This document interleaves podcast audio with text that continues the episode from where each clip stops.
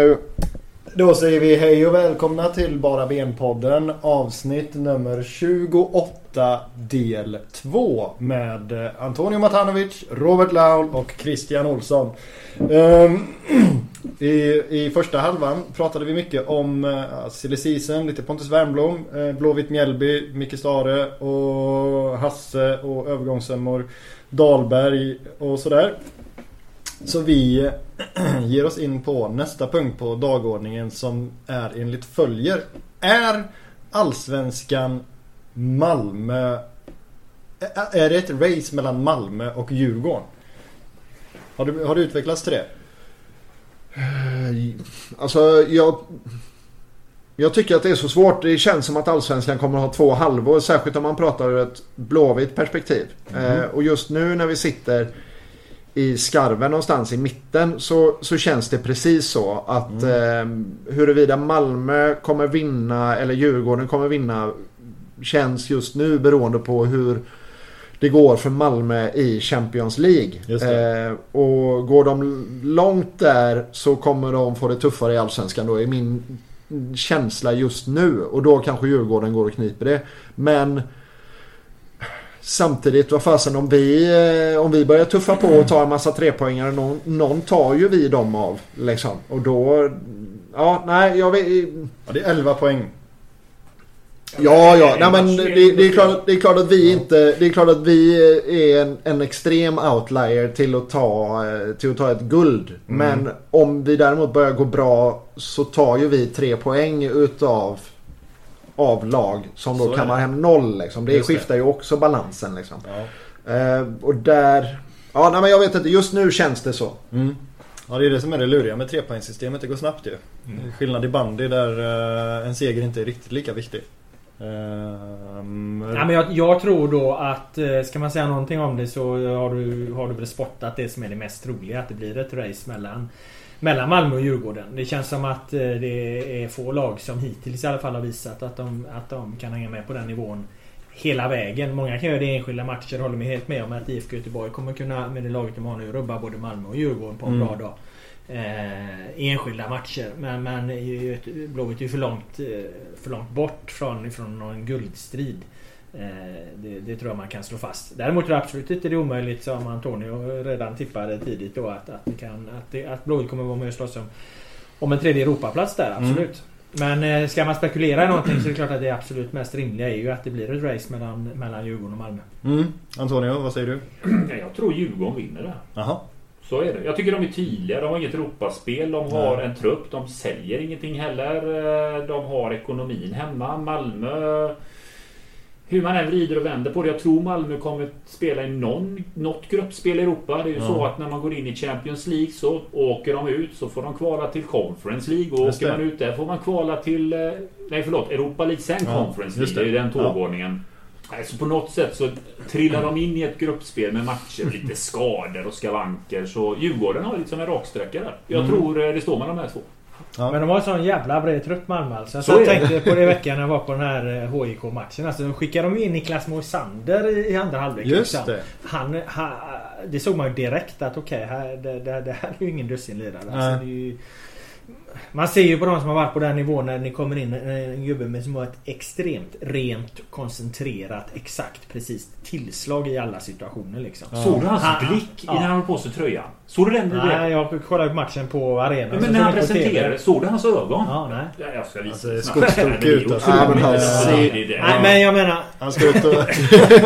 han var ju så timid på presskonferensen där efteråt och... Ja, bakom den lugnaste. Det är så ja, gubbar som är farliga. Ja, men jag menar det. Det, det, det, där gubben kan de kasta dem in helt plötsligt liksom. Så att de har nog de, de har ju en trupp som där de... Så här skulle jag hellre vilja säga. De har ju en trupp där de måste gå till ett, ett Europamål. Mm. Annars mm. blir det snarare problem. Så ja. de har för många ja. bra spelare. Så jag tror inte de kommer lida så jävla mycket av det. Men jag utesluter absolut inte som du säger där att, att, att Djurgården kan ta det ändå. För Djurgården har... Men de är så jävla, jävla bra bara. Jävla flow. Jävla maskineri.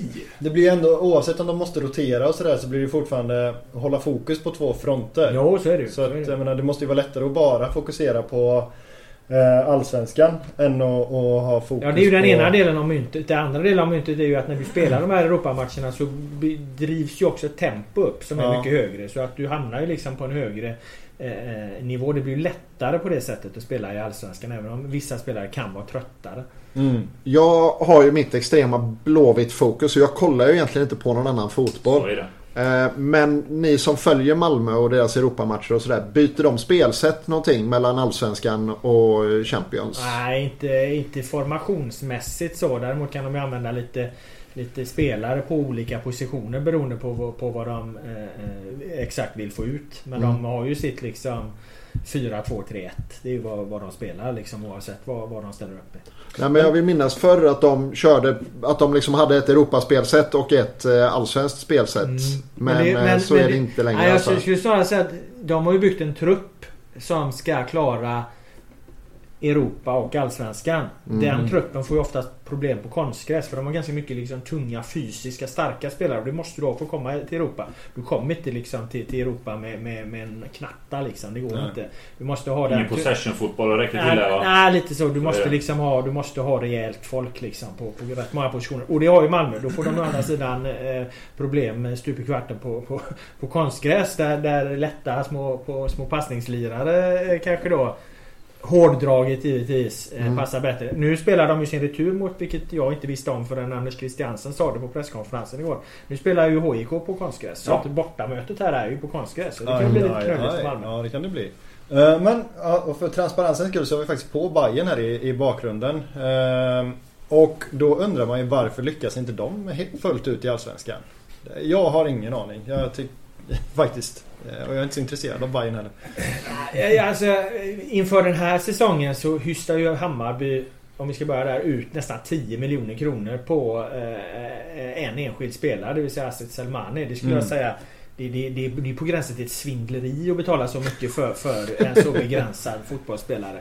Så att jag tycker att Inför, just inför den här säsongen så, så, så utifrån vad han har visat. Han har många bra egenskaper. Han, han, han jagar och han springer och han driver på och han, han pressar. Vi talar, spelare som, vi talar om en, en 24-åring som har pröjsat nästan 10 miljoner för. Ja. Han är jättebegränsad i, i, i exempelvis om du ska ställa vidare och göra en affär på honom. Och så himla mycket har han inte bidragit med. Så att eh, de har väl gått in med lite i den här säsongen med, med, med, med något av en felsatsning. Sen så blir perspektivet blir lite knasigt på Bayern där man pratar om varför de aldrig lyckas och så.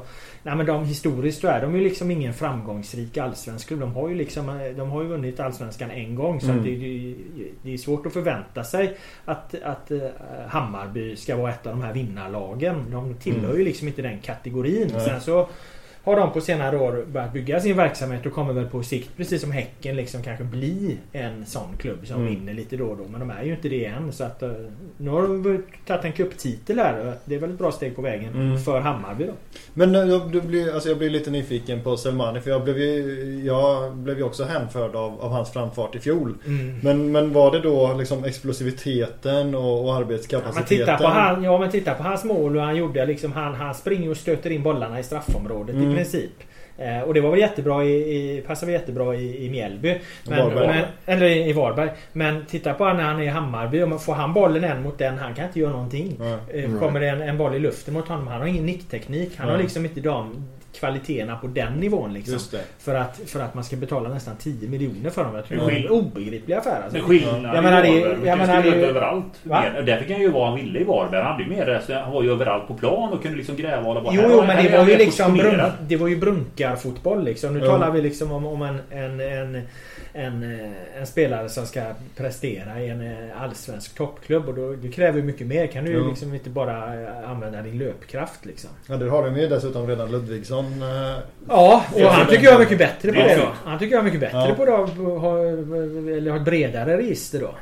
Ja, det och han är ju heller inte en helt fantastisk spelare. Men... Nej, det är han ju inte. Men... Äh,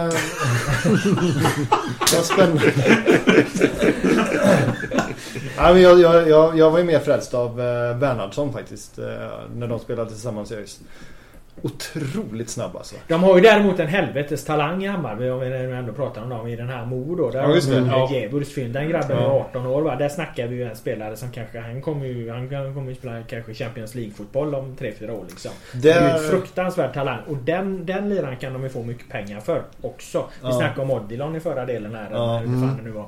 Eh, Att, att det kan ticka in mer pengar där. De har ett jävla sparkapital i den här eh, Amo. ja. Och utifrån det då så, så, så är det klart att Hammarby kommer för med pengarna så kommer framgången. Mm. Så, så även om de historiskt inte har lyckats, de har ingen kultur i, i föreningen av att, att vinna särskilt mycket titlar. Men förr eller senare kommer de göra det för att de, de drar just nu in så jävla mycket pengar. Ja.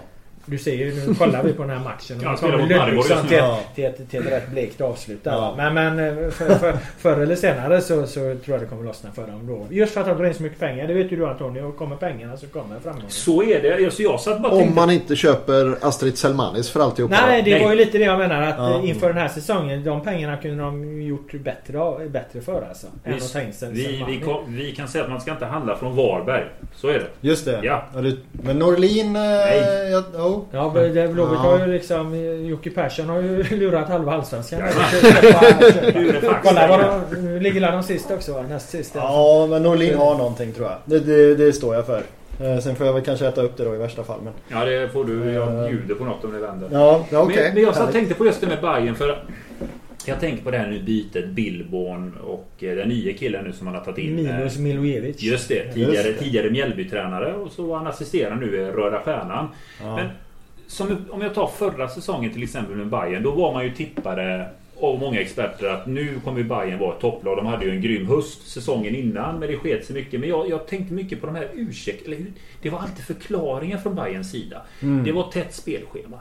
Ja. Det var ingen publik. Det var fel underlag. Då pratar Mm. vi eh, alltså gräs. Mm. Eh, Just den, den här mentaliteten att det alltid är någonting istället för att prata om att vi ska göra det här bättre. Istället, det, för mig så blir Bayern ingen guldkandidat om man måste ha de här ursäkterna. Då! Så roll, också på en del faktiskt. Ja! Så eh, har blåvita tränare hållit på rätt mycket de det, senaste det åren. här att Ja. inte kunna ha självkritik. Jag kan känna lite grann nu. Det här bytet som Bayern gör här nu. Det, det är inte bara resultatbaserat. För mig Nej. så är det en kulturfråga. Billborn han fick igång någonting med Bayern. De skapar ju ändå, spelar ju ändå offensiv fotboll på Tele2. Men för att bli det här ytterligare steget så måste det in en annan kultur. Och den här nya Milos, han är ju en ganska tuff jävel har man förstått. Mm.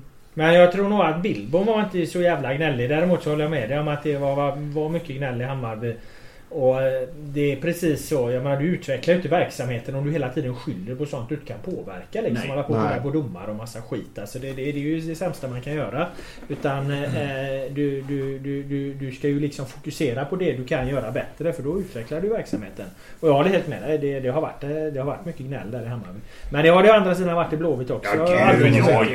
Eh, det- det, finns mycket att, att lära av, av klubbar som inte håller på och gnäller så mycket. Jag tycker Djurgården och Malmö är ganska bra exempel på, på lag som inte gnäller lika mycket. Även om de också gnäller ibland. Men inte riktigt Mm. lika mycket. Ehm, Kan bero på vilka ledarskapsfilosofier man är in- influerad och intresserad av. ja, precis. Ehm, men det, ja, men precis. Men Rolle var ju i och för sig fantastisk när han skyllde på planen på... eh, vad heter den? Örjansvall. Den såg ju lika illa ut för båda lagen. Liksom. Så Ja, den- det där den, är alltid eh, svagt. Eh, Men då var han nog ganska pressad också kan man tänka sig. I och för sig. Mm. Eh, På tal om säsongens smak då som Astrid Selmani uppenbarligen var enligt Laul i fjol då. Eh, Degerfors. Var de säsongens smak i våras? Har de kört in i väggen nu eller hur? De åker inte ur, Mm, men eh, de, vi såg en fin dans här i våras. Men det är klassiskt lite grann för starka nykomlingar att göra en hejdundran vår och sen så orkar man kanske inte hela linan ut där. Du var ju uppe och såg Degerfors Malmö på plats där. Jag läste den artikeln där om korvkiosken. Det var stark läsning. De har ju döpt en korvmeny efter sin sportchef där. Där får Fanerud en korv på Ullevi. Ja, det- Ja, det får man väl fråga Rasta. ja just det. Det är Rasta som... eh, Det är Rasta som ja, kör kioskerna hos oss. Finns andra vägkrogar också. Men, eh, Ja men Degerfors har ett ganska fint lag. Eh, eh, absolut. Men de kommer ju inte... Våren, man glömmer ju det. Våren var ju bara åtta matcher. Mm. Och då är det klart att då räcker det och du tar ett par skalper och så ligger du ganska högt upp i tabellen. Eh, nu ska det spelas, eh, vad fan blir det, 22 omgångar till här då i den här sommaren och hösten. Och, och, och det är klart att Degerfors kommer ju falla i tabellen. Men det finns ju, det finns ju jag tror det kommer finnas två i alla fall räddningsplankor i år för dem och det är ju eh, Östersund och Varberg. Eh, de lagen ser ut att ha stora problem. Örebro borde väl rimligen resa sig lite med, med när de får in eh, en Besara och Hamad. Och ja, vad fan har hänt i den klubben? Ja. Ingen bryr sig om Örebro, men nu tänkte nu ska vi prata lite ja. om dem här. Alltså, fan, kära Örebroare. Nej men vad fan, alltså det är ju är det för att Axel Kjell har eh, varit så lite otydlig i sin roll? Han skulle bli sportchef och inte tränare och liksom inte fått ut det från truppen. Det har ju sett skit ut. Ja, men jag vet inte. Det känns lite inavlat i, i Örebro skulle jag säga. Eller, nej, alltså, nej, men alltså, Utifrån att de har ett gäng där, ganska tajt gäng med, med VD Simon Åström och, och, Axel Kjell och nu tog de in sin assisterande när de gjorde tränarbyte. Det är liksom ändå samma människor som styr där hela tiden. Och det kan absolut, vi pratar om det, det är lätt här, kontinuiteten kan vara jättebra om du har bra, kompetent, mm. kunnigt folk liksom ja. som du tror på, på länge. Men jag menar de här som styr i Örebro nu, de har ju aldrig någonsin lyckats med någonting egentligen i Örebro i form av att utveckla verksamheten ja. till det bättre. Utan det har ju varit en nedåtgående trend, alltså rätta mig om jag har fel, men i, i ett par, fyra, fem år här. Och Skulle du jag, blev, sa de jag, ja, jag blev faktiskt förvånad, du som gillar ekonomi Antonio. Jag blev förvånad när jag tittade på, på deras omsättning. De har ju alltså lägre omsättning än, än, än, än Sirius. De har lägre omsättning än, än Kalmar till och med mm. vill jag minnas. Fan, mm. de har lägre omsättning än Östersund ett tag. De är liksom inte den här nian längre i, i, i omsättningstabellen efter Big 8 som jag brukar prata om. Utan de har tappat ganska mycket. De, om, de omsätter någonstans eh, under 50 miljoner och, och, och jag menar över tid så kommer, märks ju det på resultaten. Men som sagt, de har konstigt jävla liksom, sätt att bygga. Samma sak varje år. De, de, de går in med en ganska svag trupp, gör dåliga resultat och så hämtar de in ett antal sommarvärvningar. Mm. Räddar upp resultaten lite. Och så gör de exakt samma sak igen. Och nu mm. gör de samma sak ytterligare igen. Vad är det? Det är väl inget kul att hålla på så liksom. Alltså satsa från början i så fall. Det är som att de inte riktigt vet. De, de litar inte på det. Eller de kan inte avgöra ifall det här kommer hålla. Nej. Och så hamnar de i ett läge där de måste låna in. Okej, okay, om, man, om man måste göra det någon gång. Men de gör ju det hela tiden. Men de har ju inte, de gör inga försäljningar. Nej, men det var det jag menade. De, men det var det jag menade. De ökar inte publiken, de ökar inte pengarna, de får inte fram talanger, de får inga resultat, de gör ingenting liksom. Det, inte det ens Europa bryr sig om Örebro. Vi kan inte ens köpa spelare därifrån. Ja, men Kolander kan väl bli något eller? Ja, det trodde man ju. Men han har ju fan knappt heller varit bra ju. Ja, nej, nej, men han är väl ett jätteråämne såklart. Ja. Men, men som sagt, det är ju liksom... Alltså säger, vi säger mycket om Örebro men någon talangfabrik är det ju inte. Nej. Men kommer han få spela nu då när de plockar in? För Hamad eh, började väl härja om att han skulle vara inne mittfältare redan i Bayern va? Uh, och, ja. och den andra gubben de tar in, nu tappar jag namnet. Besara. Bes, Besara är ju definitivt... Han är ju riktigt bra. Han är, ja, han är ju riktigt han är bra, bra på riktigt. Men Kolander lär väl få sitta kvist då? Uh, och sen ska ju Gerzik. Ja, Gerzik har ju nog spelat färdigt ett ja, tag. Det, kanske, det blir ja. mycket... Men den jäveln är fan alltid bra när de stoppar in honom. Så att, ja. jag har nog inte sett det sista av Gerzik heller. Nej. Nej. Ehm. Men Örebro klarar sig tror du? Alltså de det är klart att de ligger ju här nere nu med, med, med, med mm. Östersund och Varberg.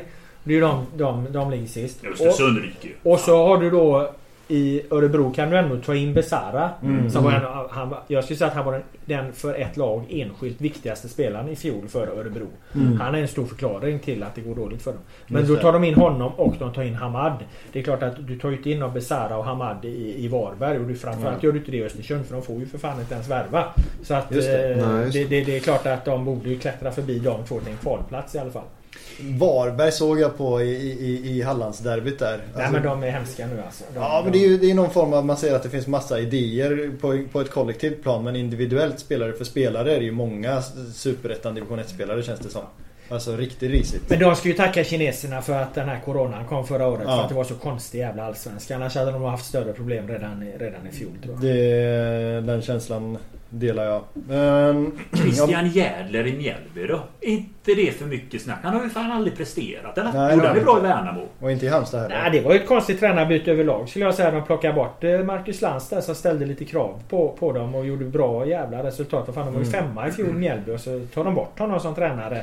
För att vad jag förstod det så, så gillar man nog inte hans ledarskap riktigt. Men det var ju Att samma med så han mycket. med. Men jag menar, man ska ju inte ta in... Man ska inte lyssna för mycket på spelare när man, när man, eh, när man eh, eh, håller på med tränaren. För det är alltid ett gäng i en trupp som är missnöjda med tränaren. Ja. Och det har ju visat sig att de har haft mycket större problem i år, Mjällby, eh, än vad de hade i fjol. Och Mjällby har ju till skillnad från Varberg, de har ett ganska bra fotbollslag. Ja. De har ju liksom Löken och, och, och vad heter han, skithusen på topp där, Ber- Ja. Bergström och ganska just bra försvarare. Och, och, och de har han Joel Nilsson heter han, var högerytter tycker jag är riktigt fin. Ja. Eh, och så har de ju nu då lånat in Sarr där som Ja. ju ni blåvita lärde känna Ja.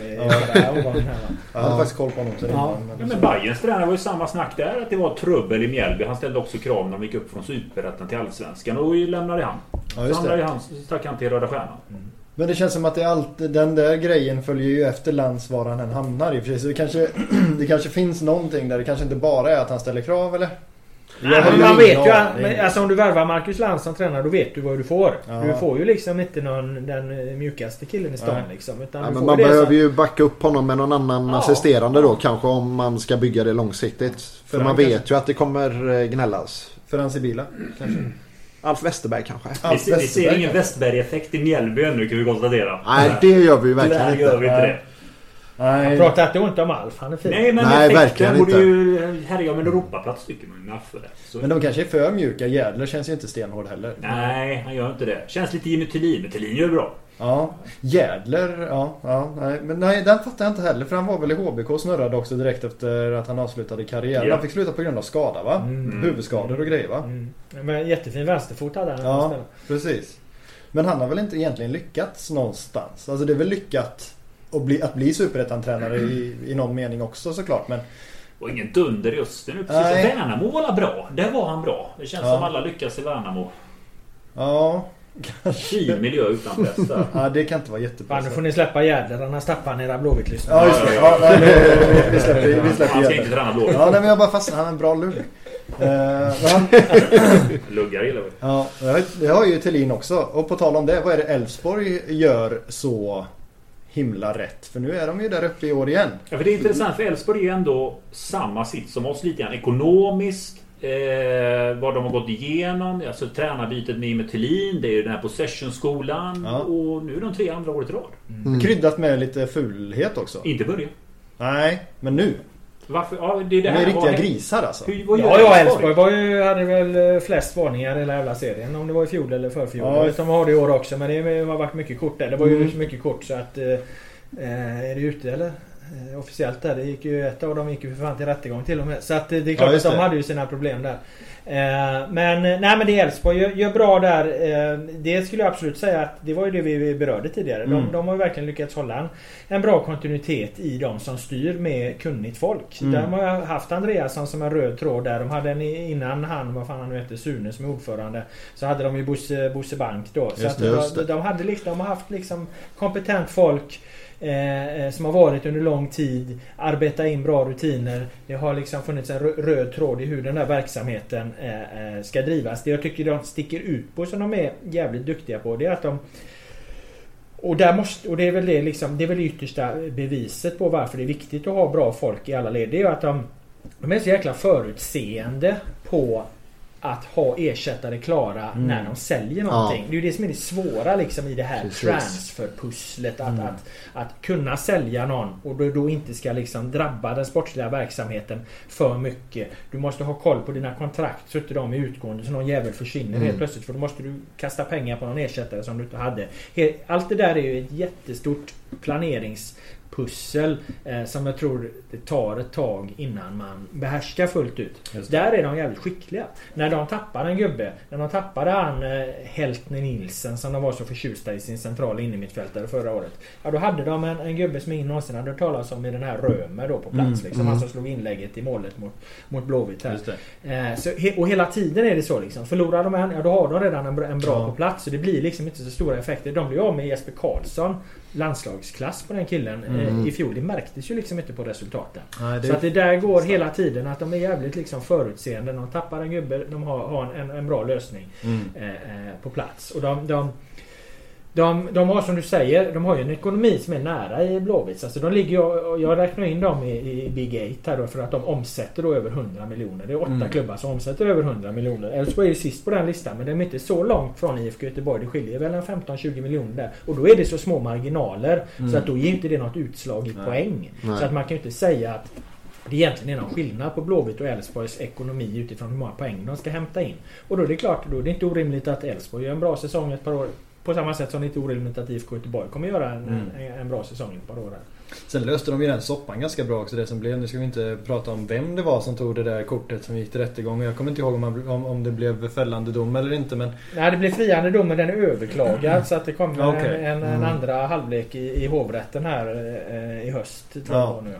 Men de, föreningen hanterade ju ändå den sörjan ganska bra. Det påverkade ju inte resultaten liksom. För det hade ju kunnat bli en jättesmäll. Mm. Mm. Äh, ändå en lagkamrat som, som eventuellt har tagit mutor liksom. Mm. Um, Nej, det är klart att det var en potentiell äh, jättekris för ja. dem. Liksom. Det verkar ju vara en, en stark eh, förening. En förening som var väldigt bra. Ja, så är det. Så är det. Men sen tycker jag Jimmy Tillins eh, possession-orienterade fotboll som han liksom har kommit in med och kört med Eh, vi hade ju... Han övergav den ganska snabbt ska jag säga. Idag är de ju inte riktigt så alltså. Nej, nej men han var ju pragmatisk på ett annat sätt än vad våran tränare som vi plockade in i samma veva som hade samma inriktning var. Utan här fanns det antingen ett större tryck från klubben runt omkring honom när de inte fick resultat på det eller så är han själv en mer pragmatisk person än vad våran tränare vid tillfället var liksom. Ja, jag intervjuade honom i fjol och jag ställde precis den frågan eftersom den är intressant. Varför, eh, varför bytte du spår liksom? Mm. Och han hävdar att han har egentligen aldrig varit någon sån här possession-tränare utan han är det han är idag. Men däremot när han kom in i Elfsborg då hade de jävligt mycket spelartyper som passade för en sån fotboll. Så då fick ja. han, det var snarare han som anpassade sin fotboll ja. efter truppen än att han ville driva det där. Så att, eh, han, det, det, den fotboll han brinner för det är liksom snabbaste vägen mot mål. Mm. Det är liksom Thelin-fotbollen. Ja. Hävdar han idag. Det är möjligt att det är en efterhandskonstruktion. Men det vad han säger idag i alla fall. Ja, det hade jag nog sagt. ja det är möjligt. Men det vad han säger. Men det var väl lite så han spelade i Jönköping i och för sig. Ja men han menar på att han hade dem. För det var där han blev framförallt bestämplad som det då liksom. Ja. Eh, att han hade den typen av spelare där. Och det, mm. att han även då hade den typen av spelare i Elfsborg. Nu har han under mm. ett par år här fått med sätta sin prägel på laget och nu har de andra karaktärer och då spelar de den här fotbollen som han, han gillar då. Det, det är liksom snabbaste vägen mot mål. Jo men det är ju det här mm. att man anpassar spelet efter materialet. Vi ska inte backa bandet och gnälla hur det var förr. Men det är ju det som vi pratar mycket om. Att du kan ju inte spela ett spel utifrån det om du inte har det Nej, materialet som hände då med Mats Gren och allt det när det plötsligt skulle förändras. Att nu mm. ska vi spela rolig, eller som de sa, rolig attraktiv fotboll. Mm. Spelar det ingen roll vilken tränare du tar in om man heter Poya Asbaghi. Någon som ska då driva possession-fotboll. Om du inte har materialet för det. Det går ju åt Nej, du kunde haft Pep Guardiola som tränare. Det hade, inte sett, nej, det hade inte sett annorlunda ut. han hade ju stuckit. Ja. hade tagit en korv och där på Degerfors och stannat och tagit ett flyg därifrån. Ja men sen blir ja precis men sen tycker inte jag att den, alltså om vi inte ska fastna vid den epoken så vet inte jag om jag tycker att det var så himla kul fotboll. Jag tyckte framförallt 2018 när bollen ska in i mitten till varje pris och sen så får vi se vad som händer. Alltså det rullades och rullades och rullades. Det var inget kul. Alltså Nej, men målsättningen var att äga boll så att jo. inte motståndaren får den och till slut blir det mål. Ja, eget då. Så är det. Eh, bara för att nämna det. Elfsborg är på kvalplats när det kommer till flest antal varningar då. Om vi ska veta det. Ja. Varningsligan är och sämst i klassen är Varberg. Som, är flest, ja. som ligger ja. sist i Fairplay-ligan. Så de har näst flest varningar? Eh, BK, Häck, BK Häcken har det. Jaha. Och sen Elfsborg då. Jaha, på kvar så. Ja, Djurgården etta. Snällaste laget. Blåvitt tvåa. Oh. Så är det. Tänk dig ja. det. Med sådana som Wernbloom och grejer så är vi näst snällaste. Han har inte spelat. Han är inte, nej precis. Svårt att ta dem från bänken. ja men det går. Det går det med. Det är väl Haglund eller var det? Jo det var Haglund som blev utvisad senast va? Ja men Halmstad är högt upp på Fair Play-ligan. Ja, ja, ja. Um, yes. Um, Antonio, du ville snacka lite hur svensk fotboll mår i, i en europeisk kontext va? Just det. Mm. Uh, och det är du som har koll på de ja. papprena. Det, nej men nu är det så eh, många Blåvitt som lyssnar på oss. Men grejen är att vi vill ju ut i Europa igen. Och nu är det Europasäsong. Just nu spelar Hammarby Maribor har vi här på skärmen. Det står 0-0. Eh, Malmö vann ju igår mot HIK Helsingfors. Ja. Elfsborg spelar också BK Häcken ikväll. Mm. Ser man på svensk fotboll så är det som så att Det funkar ju så. På, för det, den är ganska den, är inte så lätt att förstå det här när man ska plocka poäng. Men det är så att när svenska klubbar spelar ute i Europa så får man poäng om man lyckas. Går man vidare i kvalomgångar så får klubben poäng. Ja. Och de poängen fördelas sen till nationen. Som då räknas på en femårs. Då tittar man vad nationen har presterat i fem Två års... potter liksom. Ja, och så blir det att på fem års basis tittar man hur många poäng har det här landet plockat och så Ja. får man en ranking. Christian. Utöver den här rullande femårsrankingen så är ju också titlar meriterande och ger poäng. Så Nu- Sverige ska vara mycket glada över Blåvitts två Uefa Cup-titlar. Där blir det faktiskt gratispoäng som vi får tack vare våra två Uefa Cup-titlar. Så vi har gjort vår del för svensk fotboll ute i Ja. Europa helt klart. Men då räknar man ihop hur det ser ut då. Och svensk fotboll, hur de har mått sen egentligen nu har jag tittat bak sen 2002 så mår vi nästan exakt likadant som sen 2002 när det kommer till ranking ute i Europa. Ja. 2002 var vi rankade Ska vi se, då var vi rankade 23 i Europa. Mhm. Eh, under- Allsvenskan alltså. Allsvenskan, ja. Ja. Som sämst har Allsvenskan 2010 varit rankad 28. Ja. Och eh, nu 2020 var vi rankade igen 23. Hur många Så- ligor finns det? Oj, det är otroligt många. Det 35. bryts, det bryts ju ut massa Ja, länder. ja, kommer ju ut. Men de har ju en resa att gå innan de växer. Nej, men så jag jämfört lite grann och tittade de skandinaviska länderna. Då vill jag ha med Danmark, Sverige och Finland. Och Finland är jättekul för det, de, de har det kämpigt där. Ja. De, eh, de blir bara faktiskt sämre och sämre i ranking Finnarna nu. De började på plats 30, de är på plats 44. Ja, tråkigt. Bäst går ju Danmark. Ja. Danska ligan har haft två pikar egentligen här sedan 2002. Det var, när vi var som sämst 2010 var danska ligan rankad 12. Ja. Nu är danska ligan rankad på 14 plats. Och de här rankingarna är ganska viktiga för länder. För det händer någonting när du kommer på plats nummer 15. Då har du två lag till Champions League. Just det. Du får spela Europa League. Och sen så skickar man ett lag till eh, Conference. Eh, De som är toppnationerna, Spanien, England, Italien, de, de får ju massa Champions League-platser. Och så är det något stackars lag som hamnar i Conference League. I Italien skickar man ju Roma bland annat. Och Tottenham ska ju spela i Conference League bland annat. Ja, ja, ja, ja. Men grejen är den att då har jag velat titta lite grann på... Nu är det en ny liga som startas för oss svenska klubbar och det är Conference League. Vi får inte spela Europa League. Det enda sättet är om Malmö FF åker ut Champions League och så Just får studsa in. Men Conference League är väldigt bra. Ja, vi, vi dissade den lite grann i början som att det här kanske är en ny Toto-cup. ja. Men tittar man på det lite grann så är det faktiskt som så att lyckas man bra i Conference League så får klubbarna många poäng. Det är så. Japp. Det är ingen större skillnad. Som nu till exempel, nu spelar ju Hammarby, Häcken och eh, Elfsborg i Ja. kvalomgång 2. Det är exakt lika många poäng som om man har spelat Europa League. Går man in i kvalomgång 1 får man 1 poäng. Kvalomgång 2 1,2. Det följer samma poängsystem. Jag tittade på det att om man går igenom Champions League och säger vi vinner Champions League. Ja. Då kan man få som max 38 poäng. Ja. Vinner man Europa League, går igenom kvalet Mm. från kvalomgång 1 och vinner Europa League, då kan man få 34 poäng. Ja. Vi går igenom Conference League, då får man 30 poäng. Jaha, okej. Så här är en bra grej att om vi gör det bra i Conference League, då kan vi fortsätta att växa som nation. Jag var lite rädd att vi skulle hamna något, något dunkel här nu på plats 23 för evigt, men Conference League är faktiskt ett mycket bättre turnering vad jag trodde. Och, och pengarna är bra. Mm. Nu är inte jag någon siffernisse här, men betyder inte det här också att man någonstans devalverar värdet av poängen nu när man helt plötsligt stoppar in en ny turnering med en tredjedel? Alltså det dyker upp en massa nya poäng in i systemet. Mm. Så över tid så blir poängen mindre värda någonstans. Ja, över tid kommer det bli att många nya lag kommer plocka poäng här nu. Men det här är ju också många lag som skulle kvalat nu kanske till Europa League. För man krymper ju ner Europa League. Nu Ah. när man spelar gruppspel i Europa League så kommer det inte finnas någon 16-delsfinal. Man går Just det. direkt in i åttondelsfinal som det är Champions League. Så den Ah, ja, turneringen ja, blir ja, ja. mindre. Ja, det lite var inte jag med på, Den är lite riktigt. finare så sett. De vill lyfta upp den. Eh, så inte den Nej, men det det betyder är ju att om svenska lag börjar göra saker mer rätt så har vi ju genom det här nya eh, eh, systemet en chans att få en högre utväxling på det. Det, Ja. det är ju så Mm. man kan med, med en mening sammanfatta det. Och det är ju det som har varit problemet. Malmö gick till Champions League här, om vi pratar modern tid. Malmö gick till Champions League här 2013. De öppnade en dörr. Men det är ju ingen annan egentligen som har följt efter Nej, det nej, där. nej. Det är ju det som är problemet.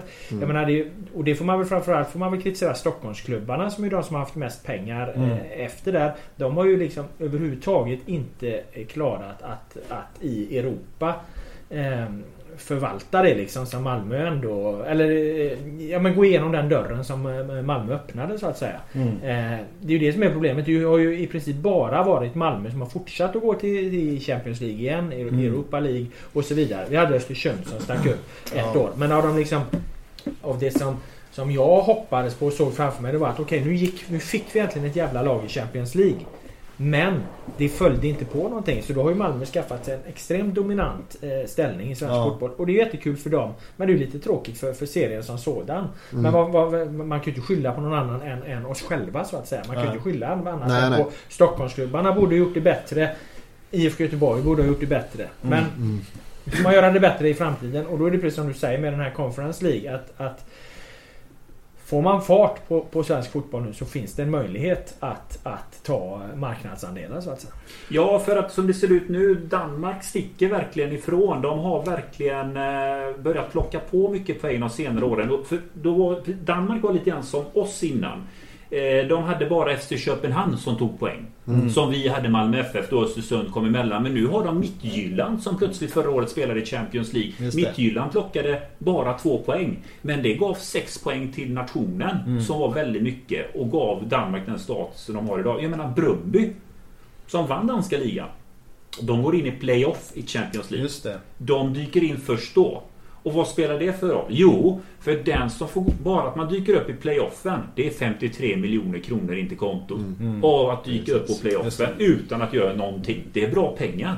Ja. Riktigt, och då är man klara för Europa League. Men utifrån det här resonemanget eh, med koefficienten där. Det innebär att ni då Blåvitt-supportrar här. Ni ska ju sitta och heja på Hammarby den här matchen vi tittar på. Gör ni verkligen det? Jag brukar tycka att det är bra att det går, klubbar får komma gärna till playoff. Det tycker jag är en framsteg. Sen så tycker jag att de ska fan spela i Champions League.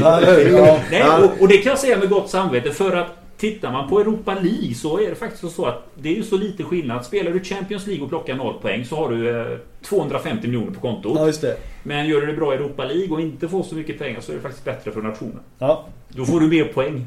Jag skulle tycka det var fantastiskt ifall Hammarby går vidare här och, och även eh, Häcken och Elfsborg allihopa. Och, så att vi kan börja hota om den här 15 platsen där på, på den rankinglistan. För det skulle ju öppna dörrar eh, när, när jag menar, en stor klubb som IFK Göteborg får fart på verksamheten så, så skulle det vara närmre till Ja. att och, och lyckas snabbare. Så att jag, jag tycker absolut som fotbollssupporter man ska man ska önska att de här konkurrenterna i serien drar in så mycket koefficientpoäng som möjligt. Nej men ta bara... Ja, ja. Nej, jag har en brasklapp där. Nej, Jag eh, är Maribor-supporter sen eh, två timmar tillbaka här. Men grejen är den, ta Malmö som exempel. Nu spelar ju de kval till Champions League. Ja. Då, för, då kan vi ta lite siffror där. Bara att man får vara med i kvalet. Ja. Då är du garanterad 2,8 miljoner. Ja. Sen går du in i första kvalomgången. Euro. Nej, kronor, kronor. Ja. Det är bara att du säger hej, jag finns. Jaha. Du är med i lottningen. Sen går du in i första kvalomgången. Då får du 3 miljoner kronor ytterligare i första kvalomgången. Går du vidare till andra, det gjorde ju Malmö. Då får du 4 miljoner till. Ja. Så nu, Malmö har just nu dragit in 9,8 miljoner. Ja, bra. Slår de ut HIK Helsingfors får de ytterligare 5,1 miljoner. Då möter de ju Rangers. Ja. Slår de ut Rangers, ja, då får de 53 miljoner till. Ja, just det. Ja. då, det är där det kommer. Ja. Där kommer det. Och så är man garanterad Europa League. Ja, men... eh, du, vi, det blir lite tvära kast nu för jag tänker att vi släpper uh, Europafokuset lite och riktar lampan mot dig Robert. Du har ju flyttat hem till eh, Göteborg. Ja, stämmer. Ja. Stämmer. Hur, hur kommer du följa Allsvenskan framgent? Eller ja, efter, för det är september du stämplar in på Ja på precis. GP, Jag har ju precis jag flyttat hem till Göteborg och byter jobb då. jobbar på Sportbladet fram till den eh, 15 augusti. Sen är jag ledig i två veckor och sen så jobbar jag, börjar jag jobba på Göteborgs-Posten från Mm. 1 september. Ehm, jag vet inte. Nej, Jag ska träffa chefen, sportchefen eh, här eh, i dagarna faktiskt. men det är på sporten du ska vara Ja, jag ska upp sporten. Sen Ja. exakt vad jag kommer göra vet jag inte. Men det vi har pratat om hittills det har väl varit att... att eh, alltså jag tycker att GP gör det lokala jävligt bra. Ja. Jag tror inte att, att jag behöver liksom kliva in och göra det som redan görs. Nej. Eh, däremot kommer jag ju in kanske med ett, med ett bredare perspektiv och eh, när man tar in och, och utökar då antalet eh, eh tjänster på sportredaktionen så ger det också möjligheter att göra sånt man kanske inte har gjort tidigare. Alltså ta ett, ett liksom eh, större journalistiska grepp. En sak som vi har pratat om är när jag flyttade till Stockholm 2000 Då var det fem Göteborgslag i, i Allsvenskan. Ja. Idag är det två kvar. Ja. Uh, och båda var vid det här uppehållet. Uh, inget av dem, Blåvitt eller Häcken, var ju toppen av Allsvenskan ens då vid, vid uppehållet i år. Så att det är klart, någonting har hänt på de här 20 åren. Mm. Uh, finns det någon ambition från Göteborg som stad liksom att, att, att Göteborg ska bli fotbollens huvudstad igen? Hur, hur, hur ser hur ser, hur ser det ut? Finns det, kan företag satsa mer pengar? Kan, kan kommunen gå in med mer pengar? Kan man göra det på ett bättre sätt? Och så? Ja. Alltså att man tar den övergripande eh, eh, frågorna journalistiska frågorna och borra lite mer i dem för de är jävligt viktiga. Verkligen. Sportjournalistiken är ju så otroligt fokuserad på, på resultat och matcher, mm. bevakning och krönikor och analyser. Vad händer på plan och så. Mm. Men det finns ju liksom en hel värld ovanför det där, där, där idrotten och fotbollen är, är, är en del av liksom, politiken i den här staden. Mm. mm. Eh, så att sådana grejer kanske man, man, man, man, kan börja titta på när man ökar då numeräret på eh, Göteborgs-Postens sportredaktion. Tror att du kommer fortsätta nysta i det som jag kallade din ena käpphäst eh, senast vi pratade med det här matchfixing och det blir väl mer, jag tror att det blir mer regionsbaserat i så fall. Det är ja, väl om det, det händer något. Eh, nu kan, kan ju inte jag ha samma riksperspektiv längre. Ja, äh, även om jag förmodligen kommer ha en, en, en, del riksperspektiv ändå. Men inte, inte riktigt på samma sätt. Ja. De grejerna blir inte lika stora på, på på Göteborgs-Posten. Så länge det inte händer eh, skit här, här eh, i stan då. Ja. I, i bevakningsområdet. Får vi se ett nytt Laul Calling? ja det vet du fan. Eh, det som gäller nu är ju poddar. Det ja, vet ju ni. Jo, jo. Det är det vi sitter och gör här. Men blir det, det är där liksom pengarna finns och alla tidningar vill ha poddar. Ja, vill du fortsätta gnabbas med Expressen? Jag har inte grabbat så mycket med dem på sista tiden. Ja, men GT finns ju i stan. Så det är... Ja, det, det... Jo, men jag, alltså jag... Men de är inte så dryga. Nej, men så sett så jag är ju kvar på rätt sida i det här då tidningskriget. Alltså Bonnier, det är ju GT, Expressen, DN. Ja. Och sen har du Schibsted, de äger ju Aftonbladet, GP. Så att jag är ju kvar på samma sida så att säga. Ja, ja, så det är ju fortfarande Expressen har du rätt det är ju fortfarande fienden för mig. Ja, ja. Jag har ju liksom, jag har ju inte, den gränsen har jag inte passerat. Nej. Så det var ju inga hard feelings liksom. Det är okej okay att gå till GP. Hade jag gått till Expressen eller, eller DN så hade det ju... Då är, de som lämnar Aftonbladet för Expressen de får ju, det är ju lämna in telefon samma dag och lämna redaktionen. Ja, det är så? Ja, jag jobbar ändå kvar liksom. Ja, just det. Ja. Det är ändå en del på Expressen som tycker att du har varit lite tuff mot dem där. Man har följt lite sociala medier när du vet, generalen talar och så vidare. Det har varit lite ja, så här okay. surr där ändå. Nu har igång ja, jo, men det var ju ja, okej då. Det kanske har varit på Aftonbladet då. Men på GP blir det kanske inte så mycket sånt. ja, tråkigt tycker jag. Jag gillar gnabbet. Ja, det höjer temperaturen lite. Är men ja. däremot eh, problemet är väl att eh, vad heter han? Vulkan.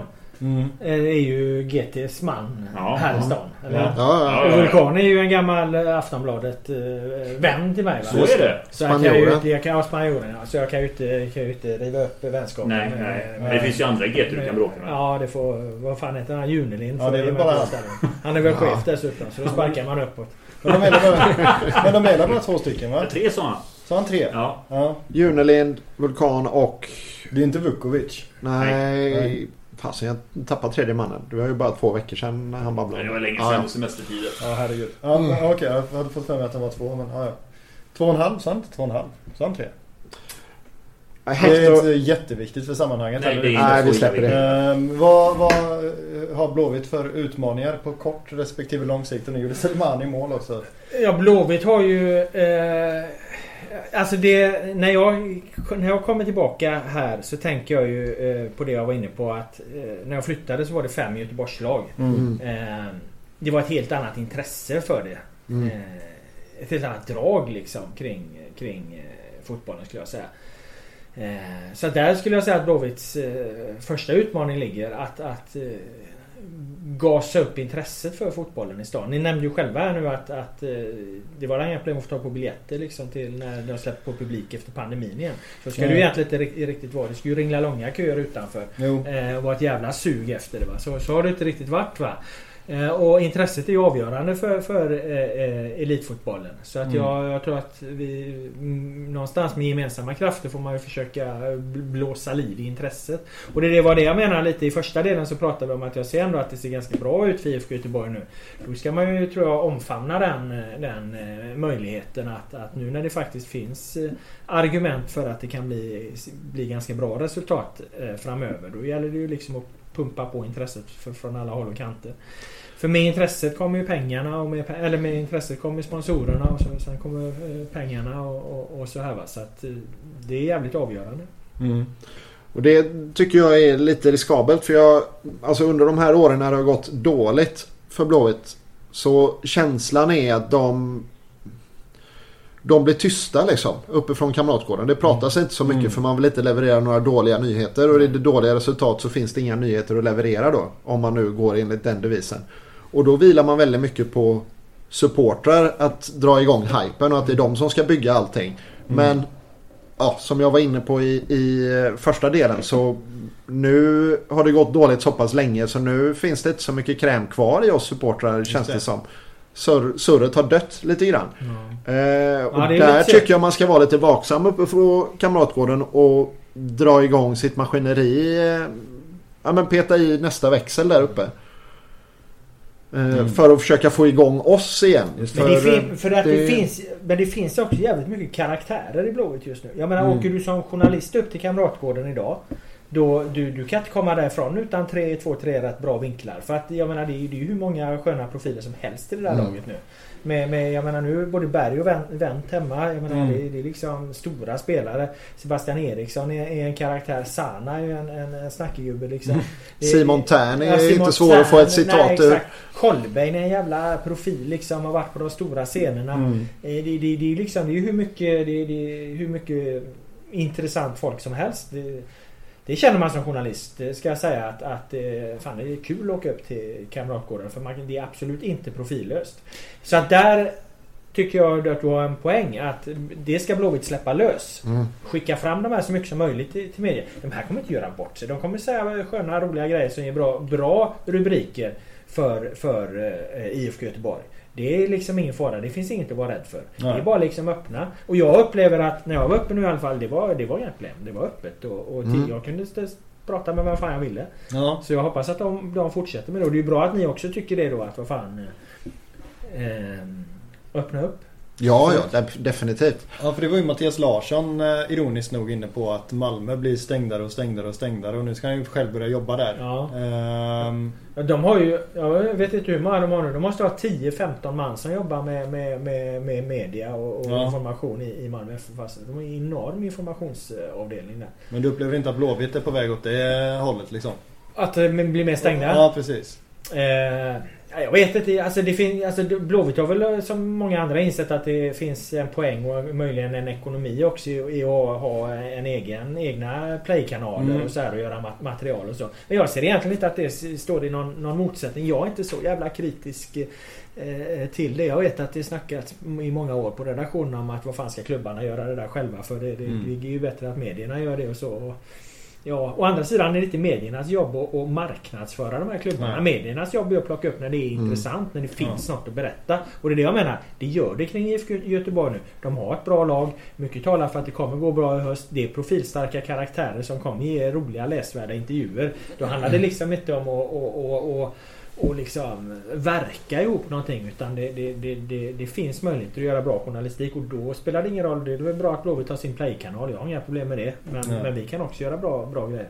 Jag gillar verkligen grejerna som de gör i sin Ja. Play-kanal. Men jag har väldigt svårt att se hur GP eller GT eller Aftonbladet skulle göra de här grejerna liksom. Nej, men vi får Eh, andra grejer. ja, men precis. De, får väl göra det här liksom mer, som är lite mer, mer tillrättalagt men också inside-känsla Ja. och så. Ja. Men det finns ju tusen andra grejer för oss att göra liksom. Precis. Vilket precis. ju, man måste ju ge Tobias Sana det också. Det var ju väldigt bjussigt av honom tycker jag. Och, eh, Det här som- senaste ja, avsnittet. Senaste, då hade han ju med, nu vet jag inte, det var väl Modé kan jag tänka mig som sprang runt med honom eller?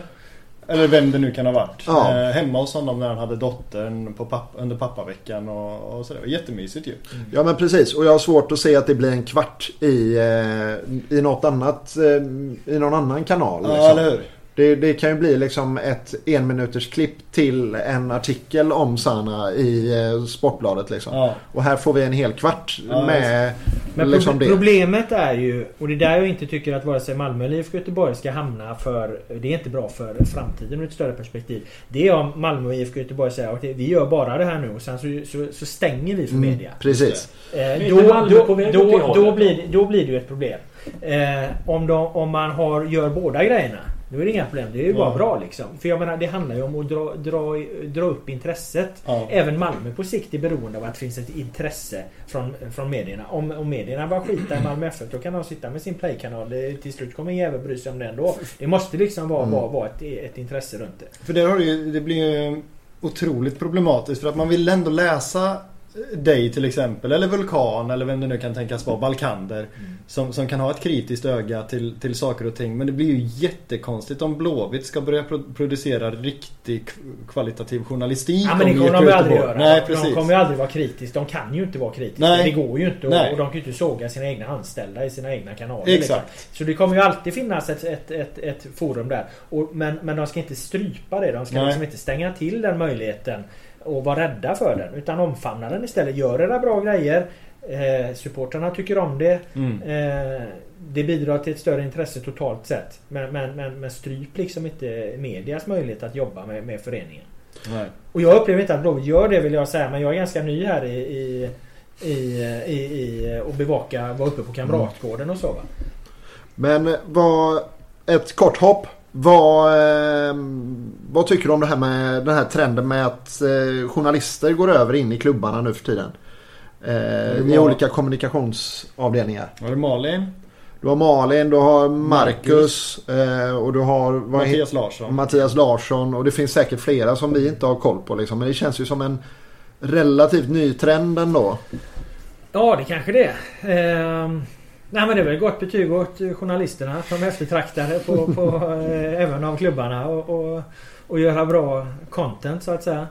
Eh, jag skulle själv ha väldigt svårt att, att, att jobba i en sån eh, roll i en förening tror jag. Mm. Jag... Alltså journalistik. Ska man jobba med liksom journalistik då måste du vara fri. Och Mm. det är du inte det. Du blir ju djävulskt låst liksom. Mm. Fast är du fri då när du har eh, spelannonser och, och, och allt vad det är? Alltså man tänker, är, är du helt fri? Ja, jag är Ja. helt fri.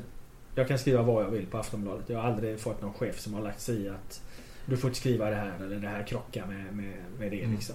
Är det så alltså? Ja. Ja. Ska du skriva ikväll då förresten om den här äh, floppspelaren Astrid Selman? Ja, jag nu. Ja. Men hur populär är du då när, när de ser eh, hybriden rulla in på Kamratgården? Är det glada miner eller? Eh, Ja, det skulle jag säga att det är. Ja. Ingen som skruvar på sig nej Laul. Nej för fan, herregud vad fan. Herregud, jag var uppe där nu i veckan som sagt. Jag menar Håkan Mild var ju där. Han var ute och eh, promenerade runt där med sin pudel Elsa. Han har en liten pudel. Eh, och jag menar jag har ju känt Håkan sedan han hade hår va. Jag spelar ju till och med mot han på, på, på, på 90-talet. Ja, ja, ja. Så att det är klart att jag har ju en jättestor respekt för han som, som yrkesman. Och jag tror att han har en stor Åka respekt. En puder. Ja. Det, var... Ja, det ser man ju inte En riktigt. pudel som heter Elsa. Ja. oj oj oj. Eh, Känns som att det kan Håkan. vara något barn som har döpt den kanske. Potentiellt. Ja, du tänker på den, vad heter den? Frozen? Eller? Japp. Ja.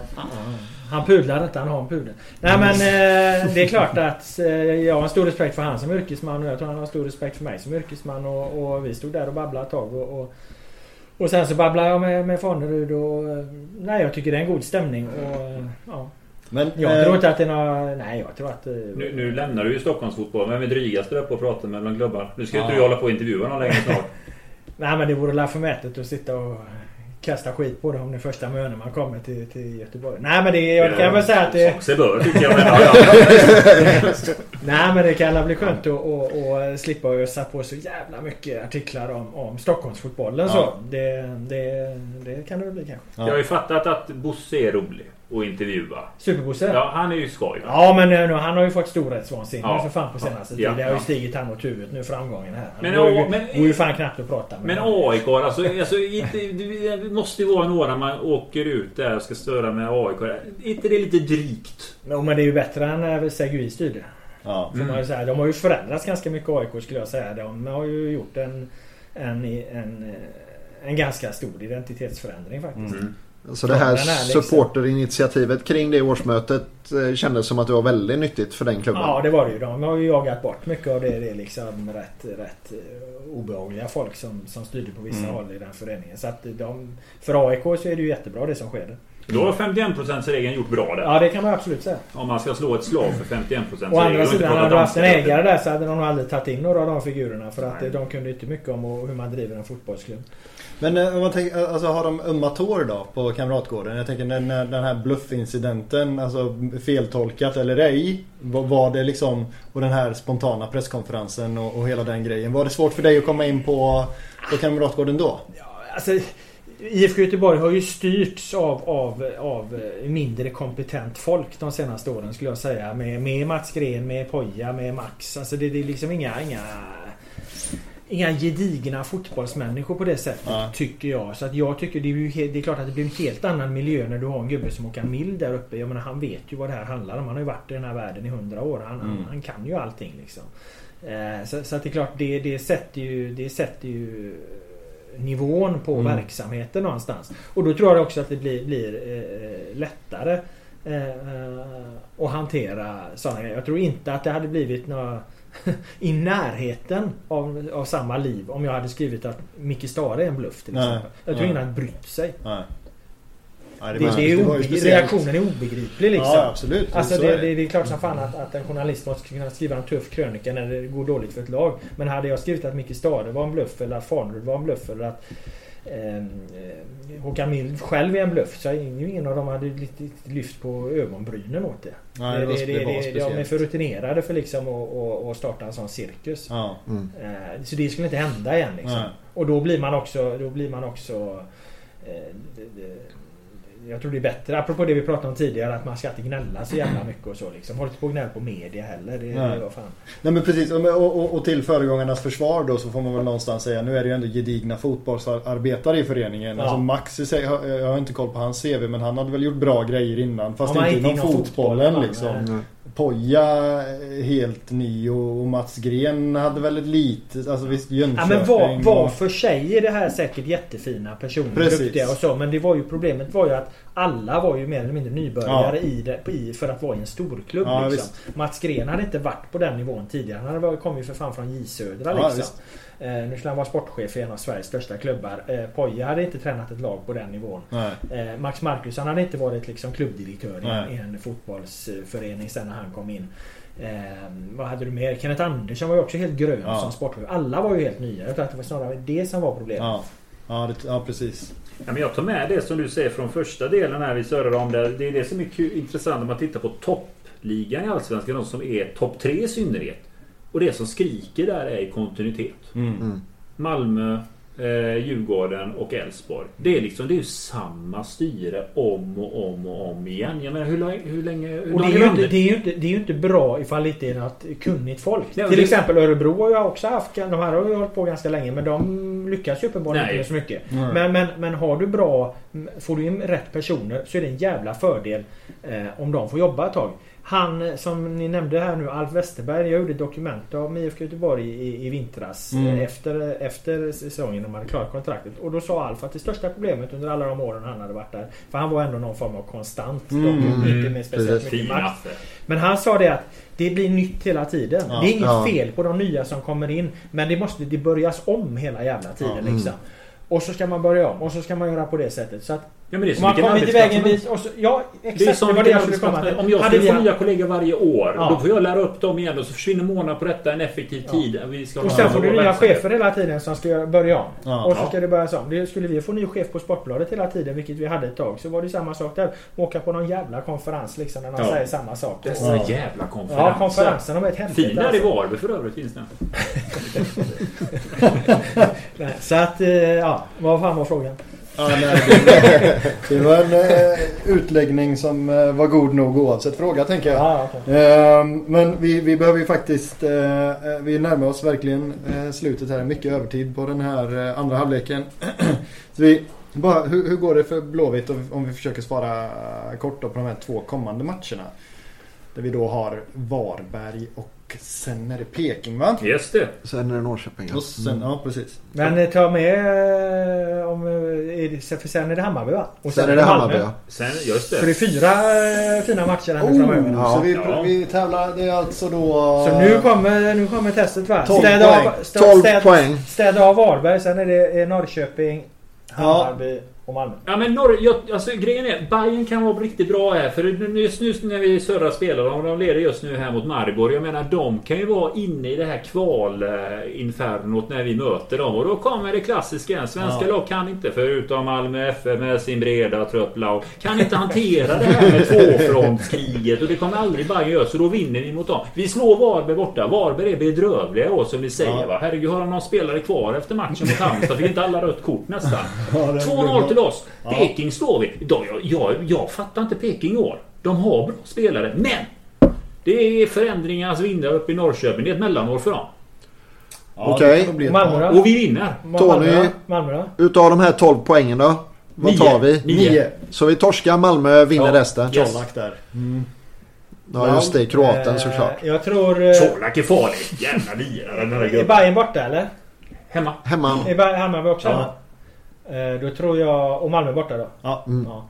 Då tror jag... Jag tror också på 9 poäng. 9 poäng. Ja. Oj, vi är överens. Ja. Herr Olsson? Eh,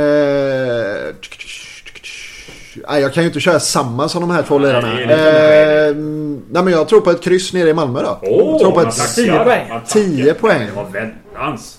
Jag kommer ju gå åt helvete detta av 12 säger jag då. 12? 12 av 12. Vad gör Colak? Ja. En otrolig Colak-krav. Nej, men jag, nej men jag har ju också sagt att Marcus Berg ska göra 15 mål på de här 22 matcherna. Och de ska ju göras någon gång. Liksom. Ja, mot Malmö kommer fyra menar du då? Fan, ni börjar med att vara lite pessimistiska men nu är ni jävla... Ja, du har ju gjort oss glada igen. Här kommer det med sådana här fina profeter. Positiv och glad. Nej, men... smittar ju av sig. Ja, jag har ju flyttat hem.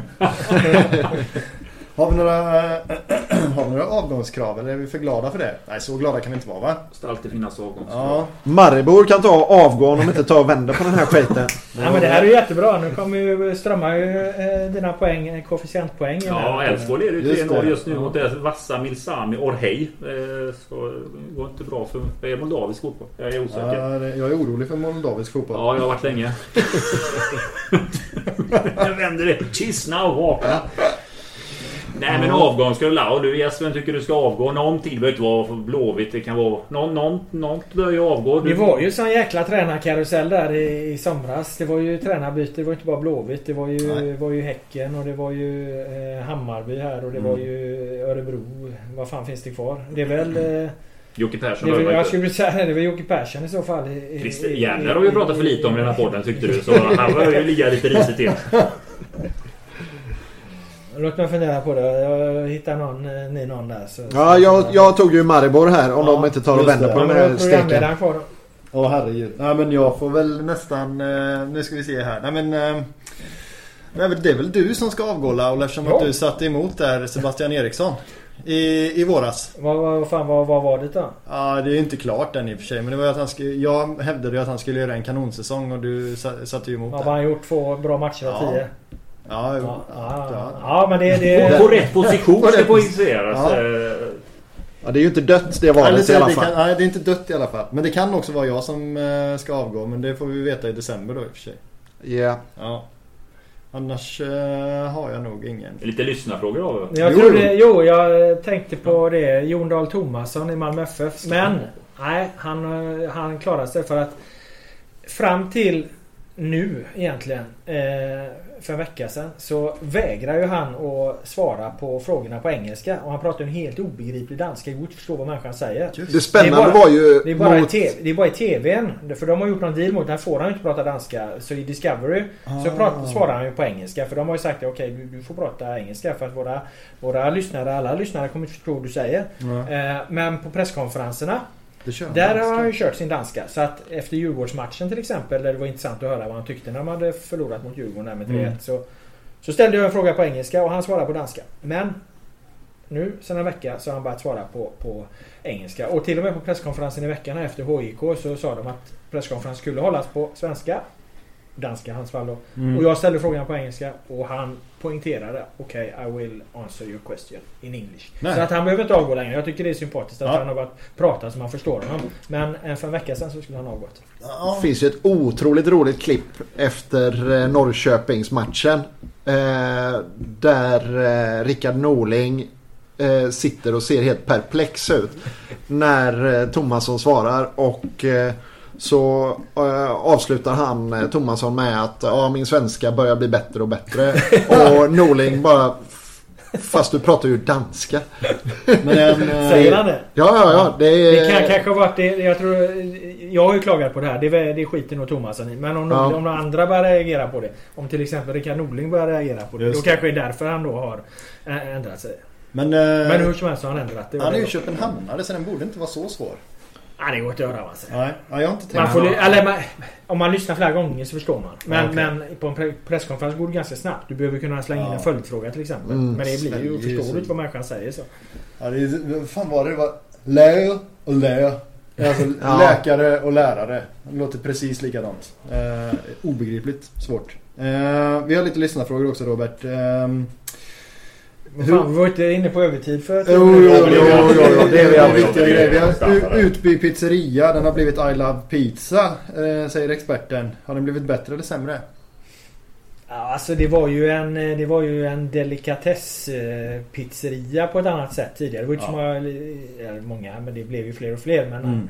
hela Göteborg kände ju inte till den tidigare så det kändes ju lite mer speciellt att åka till Utby eh, pizzeria. Nu är det ju lite mer mainstream att käka på I Love eh, Pizza. Jag kan Mm. fan inte bedöma. Jag, det var så jävla länge sedan jag åt på Utby pizzeria kontra I Love Pizza. Jag tycker de är fantastiskt goda fortfarande. Så jag undrar Mm. om de inte har behållit kvaliteten. Alltså. Det är Ja. det konceptet som har gjort att de har blivit så, så framgångsrika. Stockholm är ju katastrof på, på kebabpizza. Bra sagt. Det, Ja, det, det är viktigt. Det, det, det, det kan jag med eftertryck eh, säga och stå för. Göteborg är jävligt bra på kebabpizza. Malmö dock ännu bättre på Ja, just då- kebab skulle jag säga. Men, Då ska du åka till Götene. Men... Var det läsarfrågan? Ja precis. var, det den som, var, det, var det den läsarfrågan som höll måttet? Den men där gisslansituationen. De beställde ju pizza. Beställde de Ja. Holland pizza? Eller? Nej, jag tror inte det var någon annan. Det var lite långt att åka tror jag. eh, nej men så var det någon eh, som vi var inne på det med om du skulle kunna jobba i Blåvitt och sådär. Men det var ju lite nej på det va? Men däremot... Ja, det där tror jag kommer från för att jag när jag hoppade av, eh, var borta från sportjournalistiken. Så sa jag att jag eh, kan eh, hoppa in i styrelsen om det skulle vara så. Det. Men det var ju egentligen för att jag hade mycket synpunkter på IFK Göteborg då. Och då tycker jag att om du har synpunkter på dem, då får du väl också vara beredd att ta ansvaret. Just det. Så att eh, eh, du, i så fall så skulle de fråga att ja, då kan väl kliva in i styrelsen och, och, och göra det då. Eh, men, men sen gick jag ju tillbaka till sportjournalistiken och då är det ju inte aktuellt för mig att sitta i någon eh, styrelse i IFK Göteborg. Så det var ju Nej. mer, mer för det att Matte ska vara någon som står liksom och gnäller på allting utan Nej. att och, och sen vara beredd att ta ett ansvar för det. Så det var mer det perspektivet. Nej. Och sen är det ju en, en intressant fråga också som, som, För du är ju ändå uppvuxen med Blåvitt och i alla fall har varit Blåvitt-supporter misstänker jag. Kanske till och med är. Jag vet inte. I alla fall Torbjörn Nilsson-supporter om inte annat. eh, hur är det liksom att bevaka Blåvitt om man nu förutsätter att, du, att det är ditt lag? Ja, jag har, tycker inte att det är något eh, issue liksom. Nej. Utan eh, jag...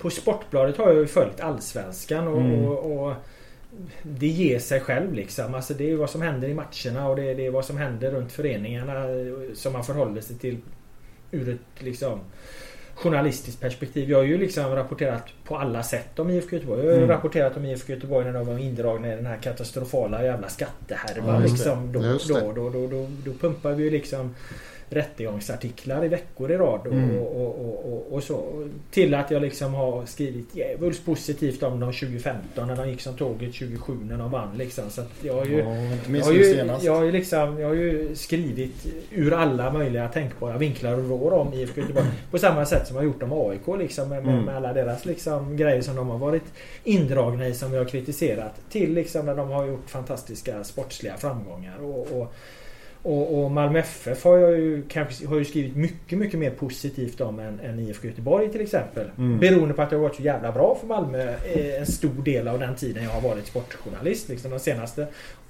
8-10 åren har ju varit en framgångssaga för Malmö FF. Där det liksom har varit svårt nästan att, att, att, att hitta så mycket att in, invända på i det stora perspektivet. För de har gått i två jävla Champions League-turneringar och två Europa League-turneringar. Så att det, det, det blir liksom svårt att klaga för mycket på. Visst, man kan gnälla på att de inte vinner Allsvenskan varenda jävla gång. eh, Men, men, men, men det är klart, överlag så har det varit väldigt positivt runt, runt eh, Malmö. Och sen Ja, för att deras, deras problematik har ju, har ju snarare kretsat kring spelares privatliv och det är väl inte kanske så intressant för en sport. Det beror lite på vad det är. Är det liksom, är det, är det, rätt, är det liksom eh, brottsfall då så Mm. bevakar vi ju sånt. Liksom. Det har vi bevakat runt många spelare och, och, och klubbar och så. Men, men, Men det har ju varit smolket, alltså att vissa Ja. spelare inte har kunnat bete sig helt enkelt. men, eh, men, men den främsta anledningen till att jag har varit kritisk, skrivit kritiskt mot IFK Göteborg de senaste fem åren det är ju den där tabellraden som jag Mm. sa. Mm. 4, 10, 11, 7, 12.